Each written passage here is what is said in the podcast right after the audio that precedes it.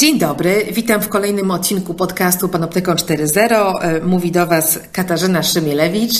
E, I nietypowo zacznę od przedstawienia gościa, a nie tematu, bo temat naturalnie, myślę, wyniknie nam z postaci gościa. A gościa mam wyjątkowego i strasznie się cieszę, e, że zgodził się porozmawiać. Jest nim Edwin Bendyk. Witajcie w podcaście Panoptykon 4.0. Mówi do Was Katarzyna Szymielewicz. Jestem prawniczką i prezeską Fundacji Panoptykon, która reaguje na zagrożenia związane z rozwojem nowych technologii i to, co dzieje się na styku tej technologii człowieka. W Panoptykonie 4.0 mam ten komfort, że nie zaglądam do ustaw, nie gadam z politykami, ale mogę zrobić coś ciekawszego, mogę zajrzeć na zaplecze tych technologii, przemyśleć to, skąd się wzięły, co tak naprawdę zmieniają w naszym życiu, jak działają i rozmawiam o tym z ludźmi, którzy wiedzą, wiedzą, bo badają, wiedzą, bo są praktykami e, i tą wiedzą potrafią się dzielić. Technologie i człowiek. Człowiek i technologie. Gdzie na tym styku czekają na nas zagrożenia? Jak korzystać z technologii, by na nich skorzystać? Jak kontrolować, kto gromadzi o nas informacje i do czego ich używa? Z ekspertami i praktykami rozmawia Katarzyna Szymielewicz. Panoptykon 4.0 Podcast to KFM.pl i Fundacji Panoptykon. Edwin Bendyk, e, publicysta i pisarz, a od paru miesięcy również prezes zarządu Fundacji Batorego, więc już oficjalnie człowiek trzeciego sektora. E, od lat również kierownik działu naukowego polityki, autor bloga e, Antymatrix 2 z dziennika Cogni Voyagera. No, człowiek wielowątkowy i rzecz można, można powiedzieć renesansowy, który w mojej ocenie niewiele sobie robi z tego, że wylądowaliśmy w, w świecie e, już popiśmiennym, jak mówi Jacek Dukaj, w kulturze obrazkowej i rzeczywiście z uporem pisze, E, i to opisuje rzeczy no, niezwykle złożone. W zasadzie zmiany cywilizacyjne, związki między nauką, techniką, polityką, gospodarką, kulturą, więc e, jest to onieśmielająca e, kompetencja, a jednocześnie idealny kontekst do rozmowy, którą chcę Tobie, Edwinie, dziś zaproponować, rozmowy o kryzysie i o zmianie. Uch, dziękuję. Po takim wprowadzeniu zaraz wyjdzie tutaj po prostu król jest nagi że tak, no nic będziemy walczyć. Dzięki wielkie. Jestem pewna rzeczy, które tutaj nie insynuuję, tylko faktów, które przytaczam. To, to jest, ja tylko powiem jedno, bo tu powiedzieć, z tak zwanym, teraz to się nazywa trzeci sektor, ale z, z organizacjami społecznymi, to tak naprawdę to pierwszą moją, do, do której wstąpiłem, to było Polskie Towarzystwo Turystyczno-Krajoznawcze, to był 77 rok, miałem wtedy 12 lat, także jestem związany z sektorem od, od zawsze. Tak. Dokładnie, dokładnie o to cię podejrzewałam, dlatego powiedziałam, że teraz już oficjalnie już, już nie możesz się odciąć, ale, ale ja też tak, tak, tak twoją aktywność e, postrzegam, bo od lat również w Fundacji Panoptykon czerpiemy garściami z tego, co, co mówisz i piszesz. No i też zwykle jesteśmy w innej relacji, zwykle to ty pytasz, a ja odpowiadam. Dzisiaj e, jest odwrotnie, więc e, mam trochę treby. Y, mam nadzieję, że, że to się uda. Proponuję rzeczywiście temat ambitny, no ale właśnie na miarę Twojej pracy, temat y, absolutnie wynikający z tego, o czym ostatnio y, pisałeś, bo zresztą słuchający nas na pewno nie przegapili tego faktu. Dla tych, którzy, którzy przegapili, to, to uzupełnię, że pod koniec kwietnia tego roku, czyli w szczycie mm, pierwszej fali pandemii, w bardzo przygnębiającym okresie naszego zamknięcia i izolacji, opublikowałeś książkę w Polsce, czyli wszędzie, w której no, udowadnia, że świat, jaki znamy, dobiega końca i że w zasadzie żyjemy w momencie cywilizacyjnego upadku i zmiana jest nie tyle możliwa, co konieczna, bo za chwilę to wszystko się e, rozpadnie. Było to dość profetyczne. Zakładam, że pisałeś tę książkę dłużej niż rozmawialiśmy o, mm, o koronawirusie, mm, e, ale czy, czy poczułeś się jak jak profeta i czy rzeczywiście e, tak subiektywnie czujesz, że ten rok, ten rok 2020 to jest taki moment zwrotny, można tak powiedzieć? Znaczy, y, zdecydowanie tak, z tym, że, że właśnie o tyle nie czuję się jakby tutaj, jak używasz tego określenia profetą, bo ja po prostu, no właśnie, tak jak powiedziałeś, jestem dziennikarzem i moja technika też ta pisarska, no to jednak wywodzi się z warsztatu dziennikarskiego, czyli de facto przetwarzania myśli y, i opakowywania jakąś, jakąś taką syntetyczne opakowanie, ale myśli, które, które E, jakby źródła są w innych głowach, badaczy, ekspertów, tacy, którzy, którzy głęboko wchodzą w jakieś, jakieś kwestie. No, nauka chociażby, która jest tutaj istotnym elementem dla mnie informacji. I to, co ja piszę, zbieram w tej książce, to jest de facto to, o czym się w świecie nauki, o, o czym się mówi od 50 lat, no, od raportu Klubu Rzymskiego z 1972 roku. I po prostu pokazuje, że weszliśmy na, na, na, na ścieżkę Y, która tam w jednym ze scenariuszy jest pokazana. I po prostu i, i, i, staram się jakby opowiedzieć, co to znaczy, używając już wtedy do tego różnego typu takich powiedzmy literackich narzędzi, metafor, przykładów z historii, żeby uplastycznić po prostu to, no, co dosyć sucho przedstawiają naukowcy w raportach, ale nie ukrywali nigdy przed nami, że my zbliżamy się do tego, to właśnie do czego się zbliżyliśmy. E, czy, czy, czy w co weszliśmy, a nie chcieliśmy zauważyć. Prawda? I, I to, że 2020 rok będzie w wielu aspektach przełomowy, no to było wiadomo już przed pandemią, bo wystarczy posłuchać, e, o czym się mówiło w Davos na forum ekonomicznym w styczniu. Tak? To, był, to był styczeń, czy e, również, bo to było dokładnie w tym samym tygodniu, było mm, Zgromadzenie Ogólne Narodów Zjednoczonych, o czym mówił Antonio Guterres chociażby, w, Nowym Jorku, no to, to, się mówiło o tym, że rok 2020 będzie rokiem y, przełomów, chociaż nikt nie zakładał pandemii. Znaczy, znaczy no wszystko już było wiadomo, że w Chinach coś się dzieje, ale nikt nie zakładał, że to tym razem opuści Chiny i, czy Azję, prawda, i, i stanie się problemem y, globalnym. Więc ta pandemia tylko do, do, wzmocniła coś, o, o, czym się mówiło, no, na przykład y, no, kwestie migracji, kwestie zmian klimatycznych, kwestie surowców, kwestie bioróżnorodności, E, kwestie w ogóle nierówności. Przecież no teraz o tym pandemia trochę to przytłumiła, ale, ale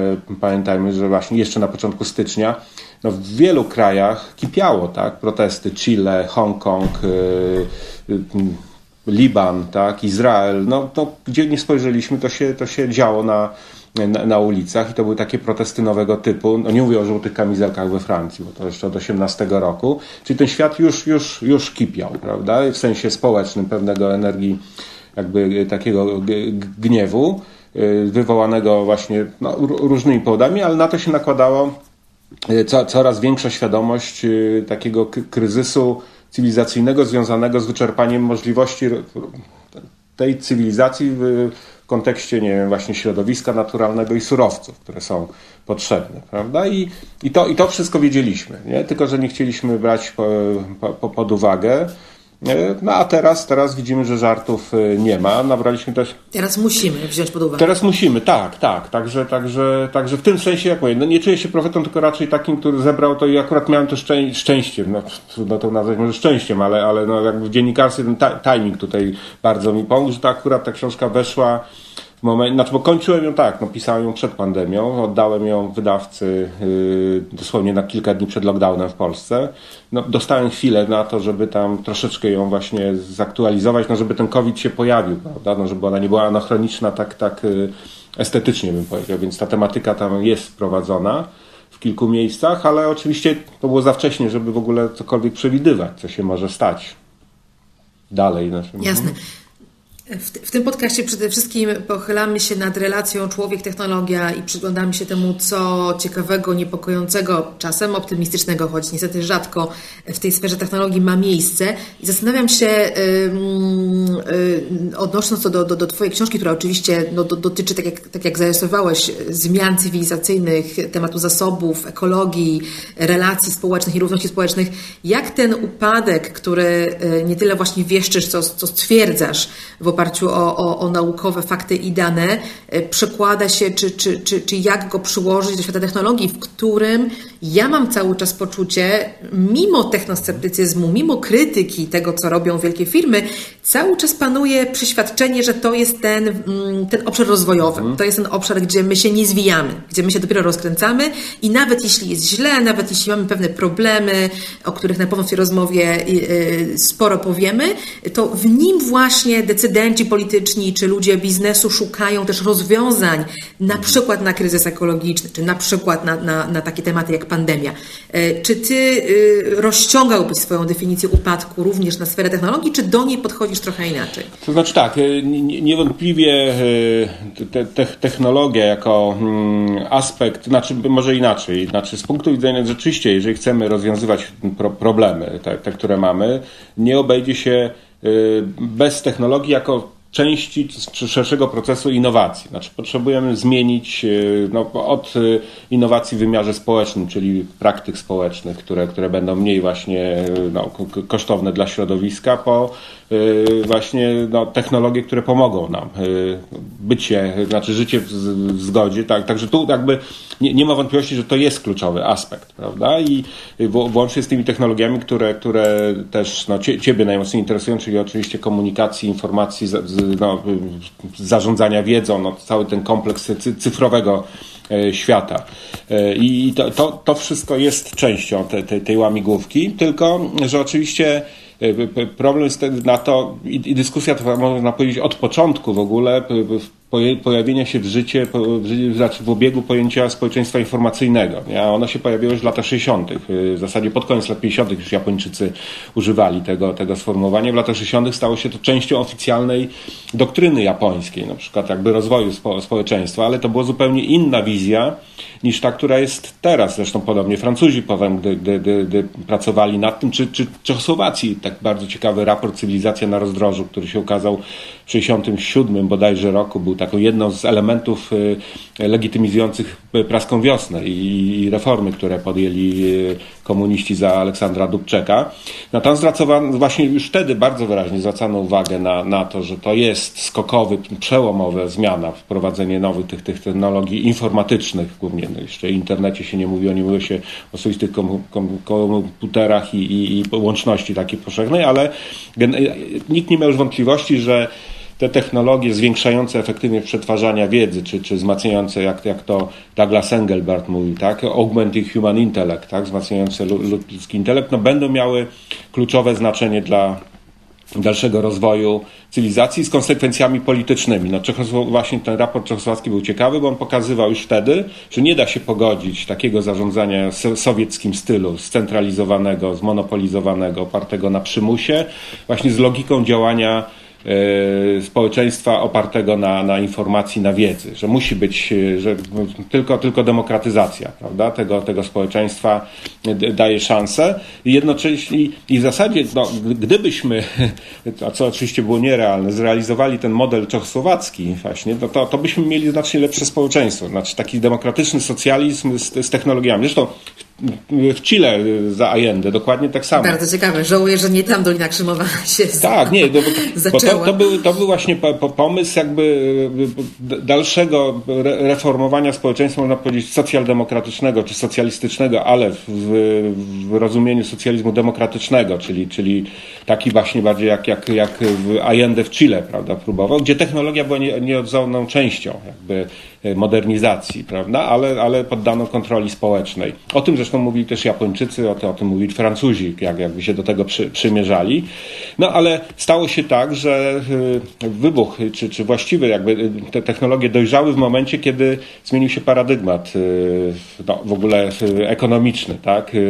I, i, i pod koniec lat 70. neoliberalizm. No właśnie ten Chile z Pinochetem, znaczy z Allende i potem przewrót pinochetowski jest tutaj symptomatyczny, bo to właśnie za, ta wizja została wypchnięta z historii, powiedzmy takiego demokratycznego, technologicznego socjalizmu, a, a, a wygrała wizja neoliberalna, która w tym rdzeniu ma też tę technologię, bo bez tej technologii, właśnie później internetu, nie dałoby się y, z, no, przeprowadzić tej, tej globalnej finansjalizacji, tak? czyli pod, jakby uwolnienia kapitału z, z takich no, restrykcji, bym powiedział, świata materialnego i, i, i kreowania wartości tylko w oparciu o, o, cyrkulację de facto kapitału, prawda? I że od tamtego czasu no, żyjemy na y, generalnie jakiś gigantycznie rosnący cały czas y, dług w, no, kreowany poprzez y, no, w tych, tych właśnie sieciach te, teleinformatycznych. Także ta technologia jest, jest po prostu rdzeniem tej, tej cywilizacji. Jest częścią czego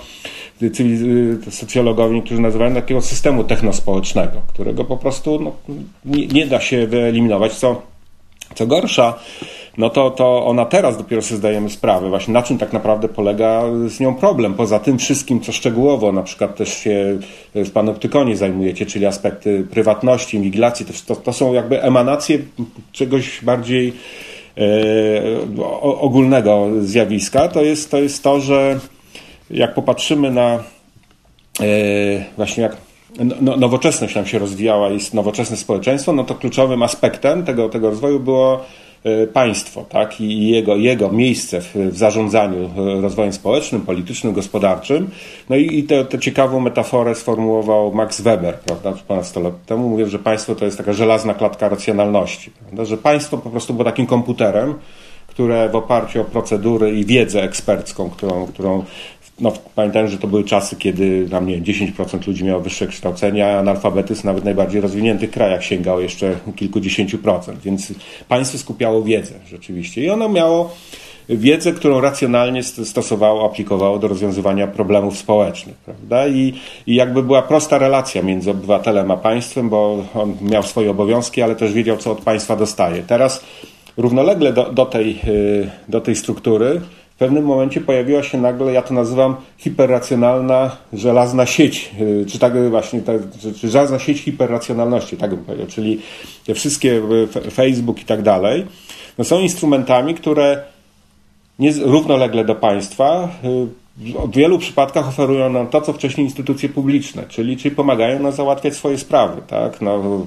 koordynować działania zbiorowe. Nie potrzebujemy instytucji, bo możemy to zrobić przez Facebooka, prawda? Możemy no, nawet, nawet y, zaopatrzenie w rozrywkę, w różne rzeczy, prawda? No to, to coraz więcej tego y, robimy przez sieć, która, no, to, to jak wiemy, ma specyficzną cechę, że ona jest takim, no, bytem nie jest neutralna w żaden sposób. Jest takim samouczącym się ciągle co, coraz właśnie bardziej e, no, w cudzysłowie myślącym, tak, uczącym się na naszych zachowaniach tworem, właśnie przez to co, co, coraz bardziej wysysającym z nas jakby racjonalność i, i lokującą ją w sobie, no do, do, tego stopnia, że sieć dzisiaj uczestniczy w, chociażby w podejmowaniu relacji intymnych. Tak? Ja to w książce akurat piszę o tym aspekcie, tak? że, że jak się miłość i, i w ogóle in, intymność zmieniła przez to, kiedy, że dzisiaj właśnie ten, ten taki hiperracjonalny twór jest pośrednikiem w nawiązywaniu e, relacji.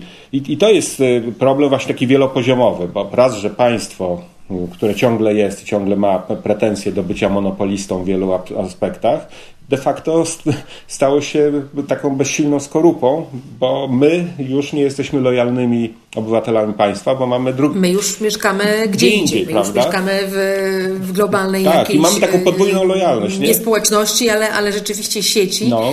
Sieci, która nie jest też neutralna ze względu na ową kapitalistyczną logikę, którą ty a, a to jeszcze jest na podkreślasz i wpięcie e, w tę technologię.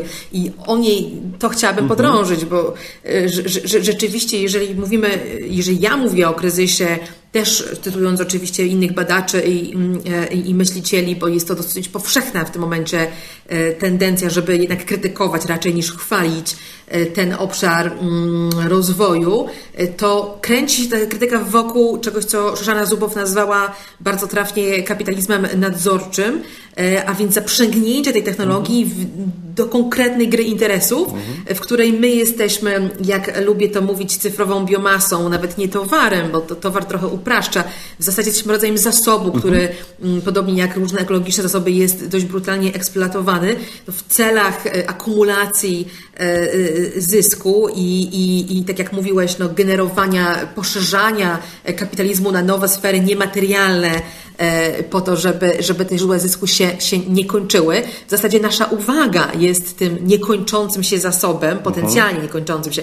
My odczuwamy to jako, jako skończone, ale myślę, że technologie informacyjne udowadniają nam, jak wiele jeszcze da się wepchnąć doświadczeń, impulsów, stymulacji w nasze życie, żeby na koniec na tym, na tym zarobić.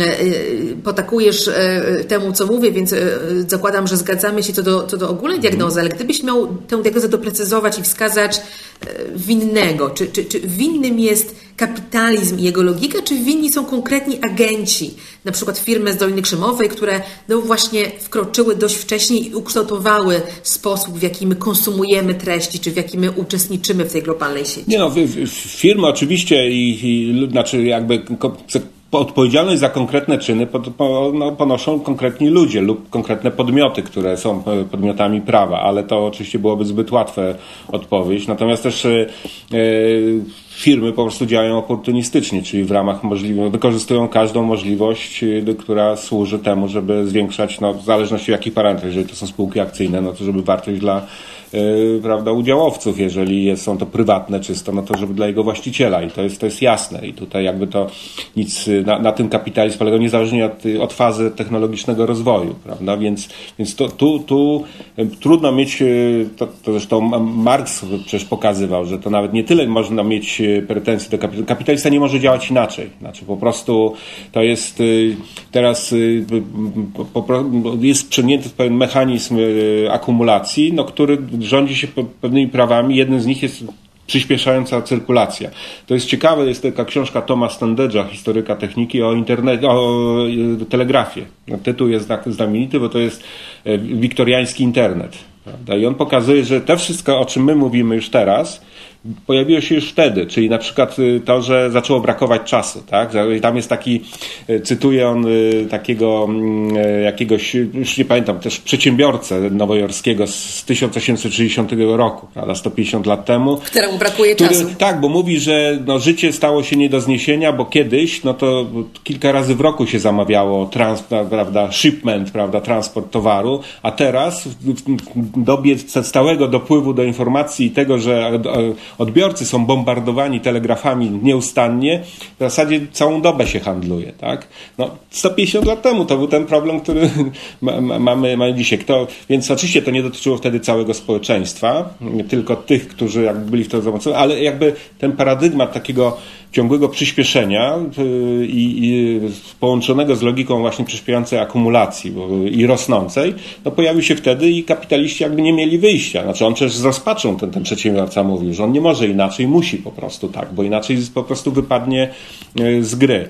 No ale efekt jest dzisiaj taki, no to Hartmut Rosa, taki niemiecki socjolog, y, ostatnio jego książka po polsku wyszła, on, on pokazuje, że, że w zasadzie ten, ten ta logika przyspieszenia i ten, ten akceleracjonizm to jest de facto nowym totalitaryzmem. Znaczy on po prostu dominuje wszystkie aspekty życia. To nie jest totalitaryzm w sensie politycznym, ale właśnie y, jest w sensie takim faktycznym, prawda? Dominowania wszystkich aspektów naszego życia, które, y, co, co powoduje właśnie, że my no, mimo, że mamy na przykład nominalnie więcej czasu, bo krócej pracujemy niż 50 lat temu, y, to, to, to mamy mniej czasu, bo jesteśmy pracujemy w reżimie takiej ciągłej, totalnej mobilizacji, właśnie przez włączenie w sieć, przez, przez smartfon, który jeżeli nie, to nie zmusza nas nawet do pracy, bo, bo, bo na przykład mamy tak wynegocjowane warunki, że po 17 możemy nie odbierać na przykład maili od, od, od szefa i ten, no to, ale to musimy odbierać sygnały z sieci, przypomnienia. No to... Wykonujemy niematerialną pracę na rzecz na przykład Facebooka. I cały czas wykonujemy niematerialną właśnie pracę na, na, na, na sieć Facebooka, więc, więc to jest wręcz, wręcz sytuacja, to ostatnio taka mi wpadła książka francuskiego badacza Cédric Durand, y, o ile nie, nie pomyliłem nazwiska, o, o technofeudalizmie. On mówi, że to w zasadzie to my już zakręciliśmy, wróciliśmy do przednowoczesności, kiedy staliśmy się po prostu takimi już bezwolnymi chłopami pańszczyźnianymi y, tych, tych y, no, magnatów cyfrowych, tak, którzy po prostu całkowicie nas dominują, określają prawa. Zamkniętych ogrodów, w których tak. jesteśmy um, uprawiani, zostaliśmy zwabieni do, do, do, na platformy technologiczną obietnicą spersonalizowanych usług, ale ona się nigdy nie zrealizowała, bo w zasadzie zawsze byliśmy tym obiektem obserwowanym, obiektem manipulowanym, obiektem poddawanym różnym formom, e, różnym grom psychologicznym po to, żeby on się angażował i wykonywał takie zadania, jakie, e, jakie karmią tę logikę akumulacji i, i, i zysku, a nie żeby jemu było dobrze, prawda? Ale, ale to, w czym uczestniczymy, to jest rzeczywiście rodzaj zamkniętego ogrodu, w którym my dostajemy jakieś zabawki, które mają nas, nas tam animować i, i przez chwilę zajmować, a tak naprawdę jesteśmy przywiązani w sensie bardzo dosłownym do konkretnej infrastruktury i jedną z, z reform, jakie proponuje się teraz e, i w Europie, i w Stanach coraz głośniej wybrzmiewa taka narracja, jest właśnie otwarcie tych, wypuszczenie mhm. tych chłopów płaszczyźnianych, e, odpięcie ich od ziemi. Ja mam nadzieję, że uda nam się dzisiaj wejść jeszcze właśnie w, w, w, te, w te możliwe scenariusze zmiany. Natomiast, no, no, no, no, no właśnie, tutaj chyba, kluczowe jest rozplątanie skutków i przyczyny, prawda? Ty pokazujesz, że ta logika kapitalizmu jest absolutnie fundamentalna dla tego, co robią konkretni agenci, więc e, pastwienie się nad największymi firmami, mówienie to one muszą się zmienić jest e, prawdopodobnie niecelowe o tyle, że pomija impulsy, jakim one, one same mhm. podlegają.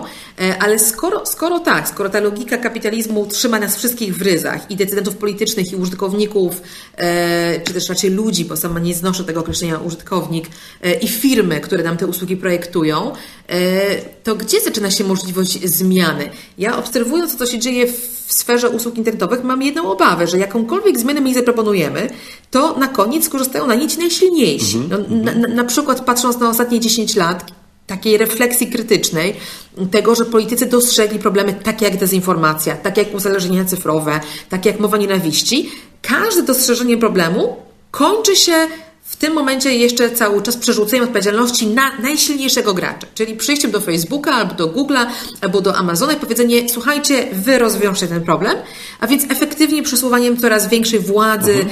również politycznie na te same podmioty, prawda?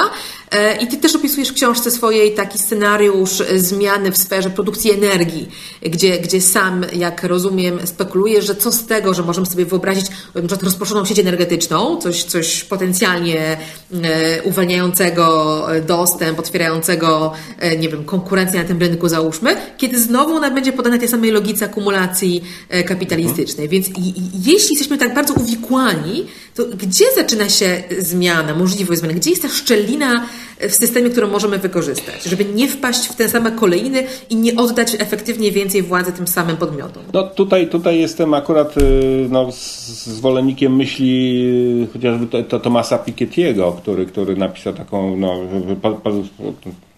znany był ze swojej pierwszej książki, prawda, Kapitał w XXI wieku, ale potem napisał y, ten, to, ważniejszą rzecz, może mniej spektakularną w sensie takiego już, już nie, nie wywoła takiego poruszenia, ale to jest, to jest y, kapitał i ideologia i to jest y, propozycja właśnie, znaczy, ale która nie do, on się technologią tak naprawdę nie zajmuje, go to, to niespecjalnie interesuje, ale jego interesuje właśnie kapitalizm. Nie? On po prostu mówi, że trzeba zreformować kapitalizm. Jeżeli tak, to jest szansa, że również infrastruktura technologiczna będzie inaczej y, funkcjonować w tym zreformowanym kapitalizmie. No on wręcz proponuje jakby zniesienie kapitalizmu poprzez system de demokratycznego, partycypacyjnego socjalizmu, prawda? I to jest, y, on zostawia rynek, oczywiście nie, nie, nie, nie wywłaszcza y, ludzi, to nie jest, nie jest rewolucja bolszewicka, natomiast zdecydowanie jest za tym, żeby no, opodatkować aktywa finansowe, tak żeby one nie, nie, nie, nie, nie było tego, co teraz jest, prawda? Czyli koncentracji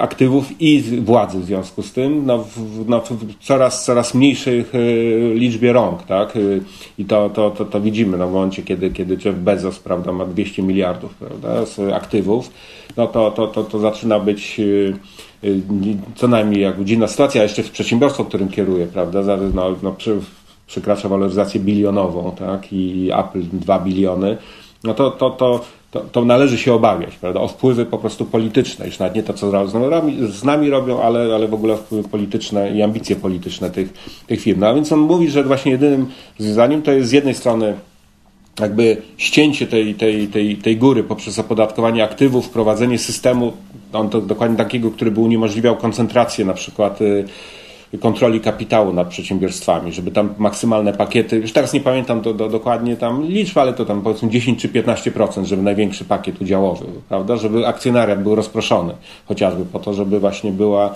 większa demokracja w zarządzaniu również y, kapitałem, ale też y, y, upodmiotowienie obywateli poprzez różne mechanizmy, od powszechnego dochodu, który on tam też proponuje, ale też powszechna renta kapitałowa, taka, że każdy, kto wchodzi w życie w wieku dwu, dwu, też nie pamiętam, czy to 21 lat, czy 18, dostaje taki bon kapitałowy, prawda, który może na przykład na założenie własnego przedsiębiorstwa wykorzystać, prawda? Czy tam są jakieś... To jest opowieść o niezwykle silnym i bogatym państwie, prawda? O jakimś podmiocie, to, który musi mieć on to wszystko wyliczy, On to wszystko wyliczy. On tylko mówi tak, że warunek jest jeden. No, trzeba wrócić do, do takiej sytuacji, jaką mieliśmy jeszcze do końca lat 60., gdzie, kiedy najwyższe progi podatkowe w Stanach Zjednoczonych, y, nie tylko w Szwecji, ale właśnie nawet w Stanach Zjednoczonych, były 80% po prostu. I od, nie pamiętam, czy od majątku powyżej 2 milionów chyba dolarów, prawda? W związku z czym y, to, to było. Znaczy, I to był czas najlepszego no. rozkwitu. Internet właśnie wtedy powstał, prawda? Kiedy były pieniądze na usługi publiczne i na inwestycje publiczne w rozwój nowych technologii, prawda? I, i to, jest, to był najlepszy czas, y, zarówno w sensie do, do, dobrostanu, prawda? Tylko problem jest, i tu właśnie problem jest zupełnie inny, nie tyle bogactwo, tylko że ten przecież system zaczął się chwiać z kilku względów, ale ten, ten jeden podstawowy to jest właśnie taki, że y, myśmy, nas przestało, znaczy energia się zaczęła kończyć, znaczy, przestało, znaczy to imperium dobrobytu, które, które powstało w latach y, po II wojnie światowej, ufundowane na taniej ropie naftowej, bo to był główny, znaczy nie byłoby tego, gdyby nie nie właśnie prze, przejście od węgla do, do ropy naftowej i, i po prostu przez kilkadziesiąt lat y, dostęp do taniej po prostu no, praktycznie za darmo y, tak, ropy, no to, to się skończyło w 1973 roku, tak, właśnie kryzysem, który pierwszy pokazał, co to znaczy, kiedy zacznie brakować. Znaczy, wtedy jeszcze nie zabrakło obiektywnie, to była decyzja polityczna, ale ona już pokazała, że co, co się dzieje, kiedy zaczyna się kończyć y, ten. I potem rzeczywiście no, zaczął się problem tak, z, z podażą tego surowca i nasza cywilizacja no, po prostu musiała zrestrukturyzować do takiego modelu, który mm, no, udaje, że nie widzi tego pro, pro, problemu, tak? I, i, i dochodzimy do jego, do jego kresu w, w, w w tej chwili. Czyli, czyli, nadzieją naszą byłby właśnie obiektywny kryzys i wyczerpanie zasobów, to byłoby coś, co by zmusiło bogatych do przyjęcia tak drastycznych e, z ich perspektywy dziś ograniczeń, no bo zastanawiam się skąd, skąd motywacja do takiej zmiany, prawda? To bardzo dobrze brzmi, opodatkujmy najbogatszych na takim poziomie, 80%, e, ale skoro e, zgodziliśmy się już w tej rozmowie, że to oni mają wpływ i to ich firmy skutecznie, najskuteczniej mhm. lobbują największe, najsilniejsze rządy i struktury polityczne, a, a po drugiej stronie jest ten, ta cyfrowa biomasa, ten proletariat, ci ludzie manipulowani kontentem, bo na to nie mam lepszego słowa, treść to jest jednak e, za dużo powiedziane e, w internecie i, i na, chodząc na postronku e, algorytmów, które robią z ich umysłami w zasadzie co, co, co to, co chce kapitał właśnie, y, kto miałby być agentem tak radykalnej zmiany? Czy właśnie ci przymuszeni bogacze? Nie, oni, znaczy tak, inaczej. Oni sami oczywiście, z, z, ta elita powiedzmy finansowa, to, to, to kapitałowo-finansowa powiedzmy i też wpływu jednocześnie, sami nie zrezygnują. No to jest jasne, że nigdy tak nie było. To, to no, warto...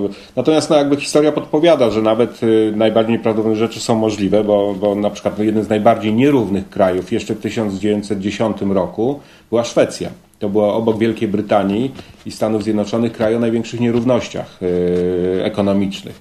I jeszcze nierównościach też demokratycznych, bo to był tam był system yy, demokratyczny związany z cenzusem majątkowym i to wielostopniowym. Także najbogatsi mieli praktycznie jakby dysponowali 50 głosami w stosunku porównaniu do, do, do najbiedniejszego bogatego, który mógł uczestniczyć w tym systemie, prawda? Bo, a to dotyczyło tam 10% czy 15% w ogóle ludności, a cała reszta w ogóle nie miała prawa głosu.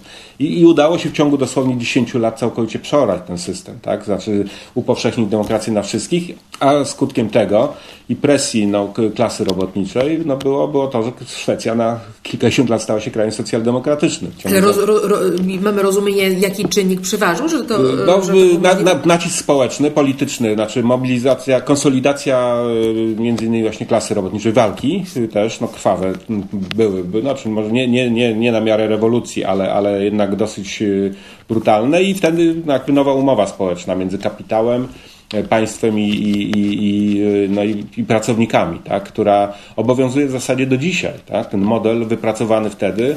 I to jest, to jest przykład, no powiedzmy sprzed 100 lat, więc nie, nie ma pełnej analogii, ale jeżeli popatrzymy, że jesteśmy w procesie, no to zobaczmy, gdzie można patrzeć. I, no i ja widzę już, już analizy. Teraz niedawno taka, taka okazała się jakby wywód francuskiego socjologa i Christophe Guy się nazywa, który, który od wielu lat opisuje, jak właśnie we Francja się dekomponuje społecznie, następuje pęknięcie na centrum, znaczy na metropolię, prowincję i tak dalej.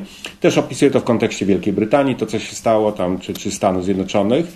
I on, on stawia tezę, że następuje jakby re rekompozycja takiej nowej klasy ludowej, to jest jakby nowego podmiotu politycznego, który na początku pierwszej fazie jest, jest oczywiście rozproszony. To są te manifestacje, które widzimy, to o których mówiłem przed chwilą, prawda, które jeszcze pełno było pod koniec zeszłego roku.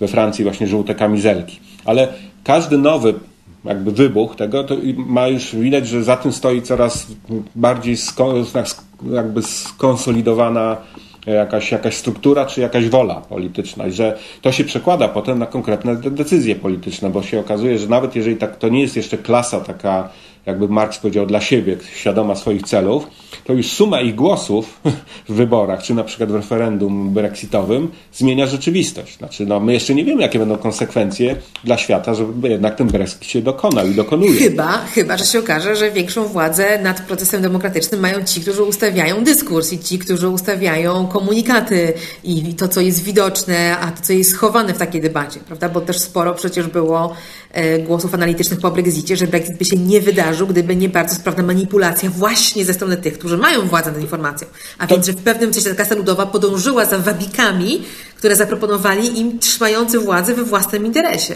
No, ale to jest, to, to, to, to jest jedno z, z wytłumaczeń, ale zakładające, że y, jakby głosowanie za Brexitem nie miało racjonalnych podstaw dla, dla tak. mieszkańców, dla wszystkich, mieszkańców wszystkich innych regionów niż, niż, niż Londyn, prawda? Może jednak GI y, właśnie pokazuje jak najbardziej racjonalny wybór tych, tych, tych ludzi, którzy głosowali jakby za Brexitem, bo po prostu z ich punktu widzenia to, to był konkretny, konkretny wybór przeciwko y, degradacji życia, tak? Czy, I teraz o co chodzi? Czy, czy oni w ten sposób poprawią swój los. Nie wiadomo, natomiast mieli jedną pewność, pozostając w tej strukturze, pozostając w Unii Europejskiej i legitymizując e, e, dalszy model jakby zarządzania Wielką Brytanią w, te, w, te, w tym paradygmacie neoliberalnym, wiedzieli, że nie poprawią swojego losu. Znaczy wiedzieli co, czego. Nie, wiedzieli jakby od, skąd odchodzą. Co dostaną w zamian, to się dopiero okaże, bo dopiero będą wszyscy tam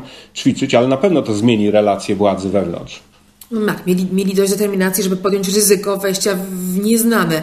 E, samo w sobie to jest, to jest bardzo ciekawe, e, bo przecież taka zmiana jest trudna, psychologicznie trudna i ryzykowna, a mimo to e, ludzie w nią, w nią weszli. A jak w takim razie na tym tle plasujesz bunty, o których sam piszesz, e, że są edukacyjne, przyszłościowe, e, takie jak młodzieżowy strajk klimatyczny, czy, czy wcześniej też komentowałeś na gorąco w Polsce strajki, te odruchy społeczne, bo tak o nich wtedy mówiliśmy, przeciwko umowie akta, która była oczywiście jakimś symbolem pewnego stylu uprawnienia polityki, który też wykluczał ludzi z prawa głosu na temat technologii właśnie, z której, z której chcą korzystać.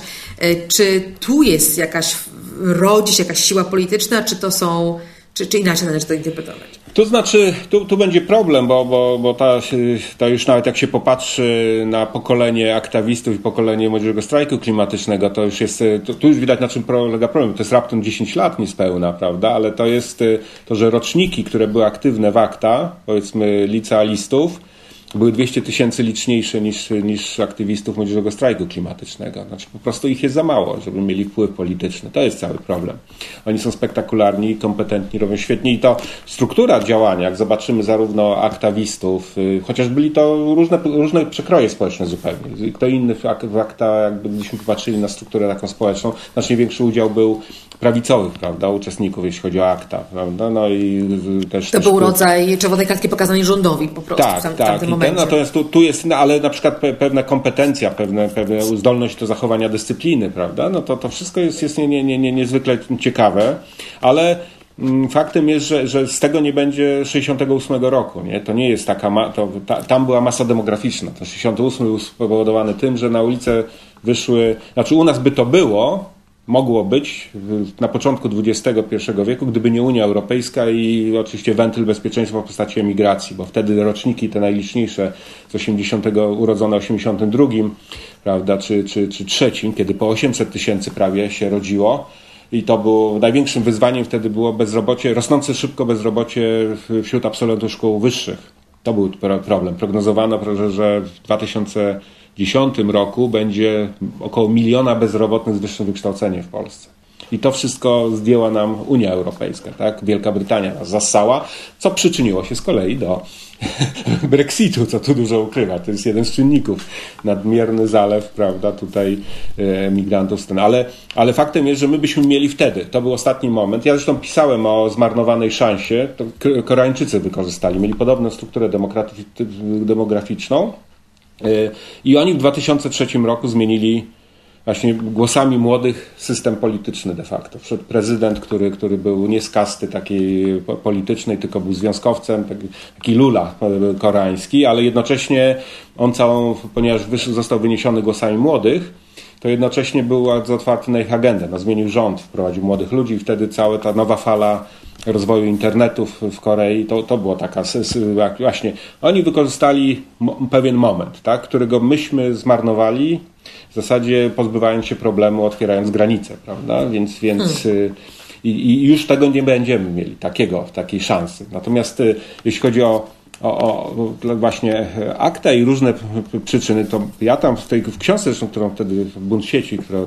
analizuję, to co się stało, to według mnie to tak by zbierałem, bo tam były różne motywy właśnie, takie przeciwko stylowi rządzenia, to też ja tam taką powiem, że to jest taka no, zimna wojna domowa, prawda, między pokoleniem analogowym a, a, a cyfrowym. I, I, na pewno to, to był aspekt istotny, ale e, taki kluczowy dla mnie, no to było to był właśnie protest ludzi, którzy odkryli, że ich oszukano, tak? że właśnie, że ich aspiracje właśnie edukacyjne, że, to, że cała ta obietnica, że poprzez, y, jak będziesz w siebie inwestował, prawda, to, to chodził do szkoły i tak dalej, no to, to, to, to aspektem tych aspiracji był dostęp do internetu, oczywiście. Dlatego, no oczywiście, nie, w uproszczeniu się mówiło, że chodziło o darmowo, darmowe, prawda, i darmowy dostęp do kultury. A tak naprawdę miałem mnóstwo spotkań wtedy ze studentami, znaczy głównie ze studentami. I oni podkreślali, że to jest jedyny możliwy dostęp do podręczników, tak? Oczywiście, że nielegalny, bo oni po prostu ściągali te podręczniki, no ale po prostu w bibliotekach. Ale że autentycznie tak? chodziło o edukację. Ale tak chodziło o edukację. Teraz y, ruchom y, klimatycznym myślę, że autentycznie chodzi o, y, o powietrze i przyszłość, że to, to nie są tak. fanaberie, to jest baza, która została zagrożona e, i, i to ci młodzi ludzie mają mhm. tego świadomość, którą ich rodzice wypierają, e, ale nie mają masy, nie mają przełożenia, nie mają Nie mają masy i, i to już w ten, ten sposób nie, nie, nie zadziała, chociaż ale żeby nie być tylko negatywny, tylko szukać pozytywu, to zresztą w książce też opisuję, to jednak to się wpisuje w szerszą zmianę, tak? To znaczy w szerszą zmianę, którą właśnie dostrzegliśmy, no jednak Unia Europejska jest przykładem tej zmiany. Czy ona będzie wystarczająca, to tego nikt nie wie, ale jednak e, można powiedzieć ten efekt Grety Thunberg, e, nie, nie, nie mówię symbolicznie, bo nie, nie, nie, nie chcę powiedzieć, że to ona wywołała, znaczy ona była jednym z elementów ważnych, taki, takim świadkiem po prostu, który też w odpowiednim momencie znalazł się w tym procesie, który poruszył jakieś tam energię, ale te energie już były, prawda? Takiej zmiany która spowodowała, że w 2009 roku w wyborach do Parlamentu Europejskiego nie weszła brunatna fala, czego obawialiśmy się jeszcze na początku roku, bo tak prognozy mówiły, że właśnie wzrost tych nastrojów populistycznych właśnie popchnie ludzi do głosowania na, na, na, na prawicę, a okazało się, że jest zupełnie inaczej, tak? że, że zagłosowano ponad y, przewidywania na, na zielone formacje, tak? I to nie tylko na poziomie e, paneuropejskim, tak? Właśnie do, w, w wyborach, tylko to też znalazło potwierdzenie w wynikach partii zielonych w wyborach y, krajowych, tak? W wielu krajach, od Finlandii poczynając po, po Francji. Także nastąpiło tutaj przesunięcie jednak mm, opinii, co umożliwiło jednak wprowadzenie do agendy Europejskiego Zielonego Ładu prawda, który, który już był sygnalizowany na szczycie w Sibiu w 18 roku, ale w 19, y, jeszcze, ale jeszcze nikt nie mówił Zielony Ład, jeszcze bano się tego określenia w 18 roku. Zresztą to zostało, y, nie wpisano mm, daty neutralności klimatycznej na 50, bo Polska przecież wtedy za, za, zawetowała. A w 19 roku już y, nie patrzono na Polskę, tak? Po, pozwolono nam zostać na zewnątrz po prostu, wiedząc, że i tak nie będziemy mieli wyjścia i tak będziemy musieli to wejść. Więc, więc to jest ta, ta zmiana, prawda, która pokazuje, że, że, że coś, coś uruchamia się proces, który może mieć efekt taki sam wzmacniający, gdzie, gdzie się nagle okaże, że za 10 lat nie będziemy już mieli wątpliwości, że tak jak już teraz tracimy, że trzeba opodatkowywać tych, którzy emitują, prawda? Coś, co wydawałoby się, no co, że podskoczymy jakiemukolwiek naftowemu koncernowi, dzisiaj już już można to, to zrobić. Jest więcej. No jeżeli już dzisiaj czytamy w raporcie takim prognozach energetycznych BP, że już 2020 będzie przełomowy pod tym względem, w zasadzie będzie końcem epoki naftowej. Od tego już, już jesteśmy na, już po pandemii nie wróci konsumpcja paliw płynnych do poziomu sprzed pandemii, tak? że to już, już przeszliśmy pewien pik. No, to znaczy, że się zmienia cywilizacja. To jest pytanie, kiedy ta fala takiego odkrywania, że można podporządkowywać woli społecznej, politycznej e, fragmenty kapitału, dotrze również do, do, do świata cyfrowego. Tak? To, no właśnie, właśnie nad tym się zastanawiam teraz, yy, abstrahując już od warunków politycznych zmiany, nad nad konkretnym kształtem tej zmiany. Przywołałeś Nowy Zielony Ład.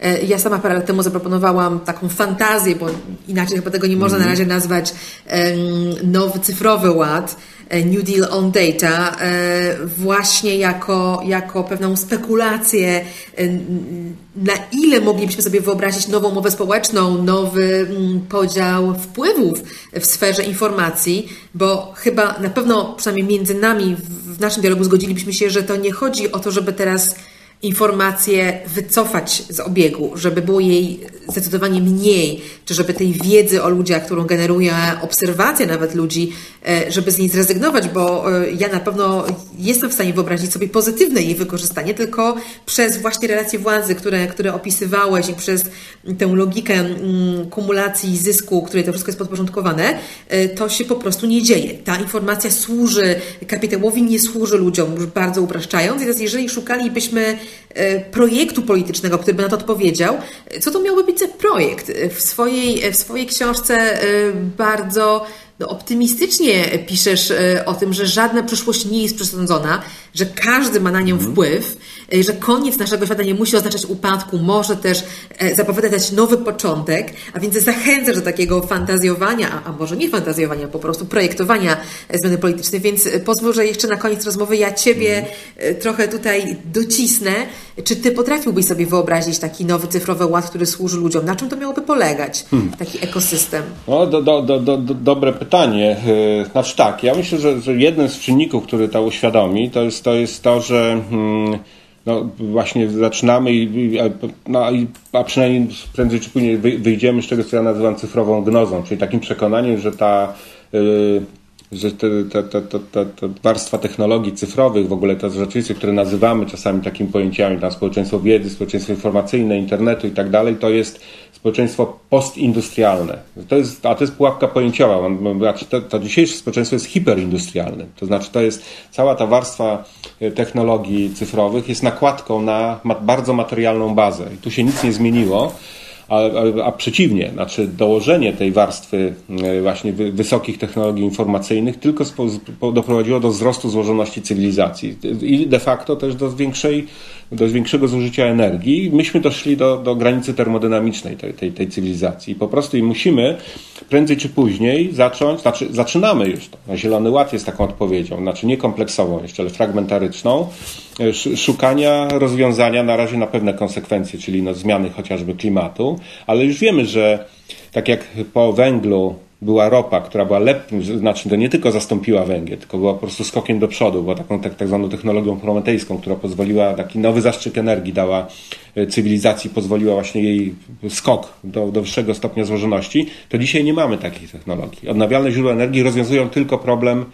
bym powiedział, ekologiczny, też nie do końca, znaczy klimatyczny, bo nie ekologiczny, bo koszty ekologiczne będą potworne tej, tej, tej transformacji, bo to, co trzeba, żeby zbudować te wszystkie wiatraki i, i panele fotowoltaiczne, to, to są po prostu też gigantyczne po prostu y, koszty. Tego, z tego trzeba sobie zdać sprawę, ale tak czy inaczej nie dostarczą one takiej jakości energii, żeby utrzymać tę złożoność, jaką mamy, uwzględniając, że jeszcze mamy parę miliardów ludzi, którzy też chcą do, dociągnąć do, do tego, do, a przynajmniej zbliżyć się do y, czoła peletonu.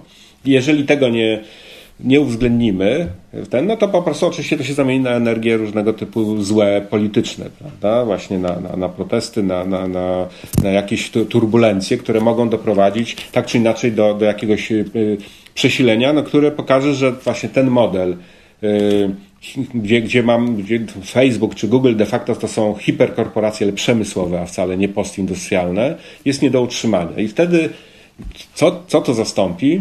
Nie, tego nie wiem, ale wydaje mi się, że taka rekonstrukcja i to, to, to, to widzę, że wielu, wielu analityków te, to proponuje, że to, to, to, zacznie się od dołu, że tak powiem. Znaczy odkrycie, znaczy nie odrzucenie technologii właśnie, tylko odkrycie ich, y, odwrócenie relacji, że jaka użyliśmy tej metafory, że to jest technofeudalizm, czyli jesteśmy poddanymi, no to idąc dalej tą technologią, to odkrycie miejsca, i tego, że moim źródłem mnie i mojej tożsamości jest, jest miejsce, w którym funkcjonuję. Prawda? Y, paradoksalnie to jest, to jest to też się wiąże trochę z tymi protestami, z, tą, z tą tożsamością tej nowej klasy ludowej. Znaczy, my żyjemy w przekonaniu, tak jak tu akurat w kręgu, w którym siedzimy, no, że, że czy, czy tak psychologicznie, że wszyscy są strasznie teraz tacy mobilni, prawda? Świat to stał się, nawet we Francji prawie 70% ludzi kończy życie w miejscu, w którym się urodziło. Tak? I, i to jest y, w Polsce nie jest inaczej, to znaczy, a, a może nawet bardziej. Nie? Znaczy, my generalnie jesteśmy przywiązani do swoich y, miejsc i zaczynamy to ponownie pozytywnie waloryzować. Tak? I teraz, jeżeli to jest źródło, znaczy z tej perspektywy zaczynamy potem rekonstruować rzeczywistość, no to, to na, na przykład nasza relacja z Facebookiem się może zmienić. Znaczy, bo on się okazuje, że czemu innemu służy, tak? niż, niż, niż takim modelu kosmopolitycznym, nazwijmy, i, i pełnej ideologii takiego społeczeństwa bez granic, prawda? To nagle się okazuje, że są, to znaczy nie muszą być fizyczne granice, które uniemożliwiają podróżowanie, ale są granicami mentalnymi, które mówią, że jakby y, przestrzenią mojego działania takiego cielesnego jest jakaś, jakieś, jakieś miejsce, ale oczywiście z którego mogę wy, tą przestrzeń cyfrową jakby wykroczyć. Tylko, że to jest jakby też może źródłem innego rodzaju podmiotowości politycznej, właśnie budowanej na, na jakimś poczuciu y, miejsca i, właśnie no, siły wspólnot lokalnych, y, które działają potem w strukturze jakichś właśnie zrzeszeń. No, trochę ten niemiecki ten projekt całej transformacji takiej energetyczno-cywilizacyjnej, który oni Energiewende nazywają. To jest taką troszkę powrotem do, do, do koncepcji Rzeszy, tak? czyli właśnie takiej wspólnoty, które autonomicznych bloków, które mogą w wymiarze również energetycznie, prawda, jakby funkcjonować ale jednocześnie razem tworzą coś więcej, prawda, zdolnego do dalszego działania. Więc taki świat fraktalny, bym powiedział, przed nami jakoś, jakoś mo może być e, rozwiązaniem. No to jest oczywiście absolutnie trudno przewidzieć. Największe obawy są, są takie, że, że ten okres turbulencji, który nie, niechybnie nas czeka, który pewno wchodzimy właśnie teraz z pandemią i kryzysem, no, może być y, czasem, który no, doprowadzi też do, do przesileń wojennych. Prawda? Mm, to, który tę historia... polityczną skutecznie zniszczy jej zalążki tak. i spowoduje, że I, będziemy zajmować I wtedy się dopiero po tym być może, dopiero po, po właśnie takim przesileniu, ale może jesteśmy o tyle mądrzejsi, że, że, że, że uda nam się nie dochodząc do, do tego e, e, etapu, prawda? Ale wtedy po prostu się okaże, że te technologie tak samo jak są kluczowe, to, to, to, to, to też no, nie są całkowicie autonomiczne i wolne od woli. Znaczy, próbują, no, to właśnie tak jak mówię o tym Brexicie. No, to strasznie to jest, y, znaczy to jest typ, typowe znaczy przekonanie, że można było zmanipulować, że tylko prostą manipulacją medialną i dezinformacją można było zmienić y, no, i wpłynąć na wynik, no, jest dosyć aroganckim argumentem. No, to, to, jest, to pokazuje, że zakładamy, że ludzie podejmując naszej perspektywy dziwną decyzję, nie mieli powodu, by jej podjąć. Tak samo jak, jak Amerykanie, którzy zagłosowali na Donalda Trumpa. Jakkolwiek nie lubimy tego człowieka i, i, i obiektywnie słusznie w wielu miejscach, to sam wybór nie musiał być jako alternatywa do Hillary Clinton nie musiał być przecież y, nieracjonalny. Jasne. No jestem bardzo ciekawa, jakie decyzje mogłaby podjąć ta skonsolidowana, jak to nazywasz, klasa ludowa, jeśli chodzi o takiego na przykład Facebooka i na ile, e, jaki proces mógłby w ogóle umożliwić podjęcie takiej kolektywnej decyzji w momencie, w którym e, startujemy do niej jako bardzo zatomizowani, bardzo osamotnieni, bardzo pojedynczy, mhm. no właśnie użytkownicy. To jest też, też jest coś brutalnego w tym określeniu, trzeźwiącego dla mnie bardzo, zestawieni z tą machiną. Ale cieszę się, że ty przynajmniej widzisz możliwość wejścia w taki proces e, i, i takiej konsolidacji, Oby ten kryzys nam w tym pomógł, a nie e, to e, już zupełnie zaorał naszą, naszą podmiotowość. Dziękuję Ci za ten optymizm pod koniec rozmowy, który konsekwentnie prezentujesz i w książce, i w swoich tekstach, wielu poświęconych ruchom społecznym. Przyznam, że w mojej pracy tego optymizmu no, potrzeba jak, jak, jak deszczu. Więc dzięki serdeczne. Myślę, że w tym momencie dobrze jest postawić kropkę i, i zostawić słuchających nas z, z całym tym bogactwem intelektualnym do przetrawienia. Moim gościem był Edwin Bendyk. Bardzo dziękuję za rozmowę. To ja dziękuję za zaproszenie. I to optymizm, myślę, no nie jest to, tak jak tu mówisz, no nie jest to łatwy optymizm, ale, ale z kolei pesymizm niewiele daje, więc, więc, więc wolę, wolę taką postawę, takiego jednak ostrożnego mimo wszystko, ale optymizmu. Pełna zgoda. E, do usłyszenia w podcaście Panoptykon 4.0. Żegna się z Wami Katarzyna Szymilewicz. Dziękuję. Pozwólcie jeszcze tylko, że zrobię drobne ogłoszenie. Fundacja Panoptykon w coraz większym stopniu jest wspierana środkami od ludzi, którzy czują naszą misję, od takich osób jak wy. Chodzi także o 1%, który można nam przekazywać w ramach rozliczenia swojego podatku. Zachęcam do tego, żebyście zapoznali się z tym, co robimy, co nam się udało przez ostatnie prawie 10 lat. E, zapraszam na stronę panoptykon.org ukośnik Wolność się liczy. Technologie i człowiek. Człowiek i technologie. Gdzie na tym styku czekają na nas zagrożenia? Jak korzystać z technologii, by na nich skorzystać? Jak kontrolować, kto gromadzi o nas informacje i do czego ich używa? Z ekspertami i praktykami rozmawia Katarzyna Szymielewicz. Panoptykon 4.0 Podcast to KFM.pl i Fundacji Panoptykon.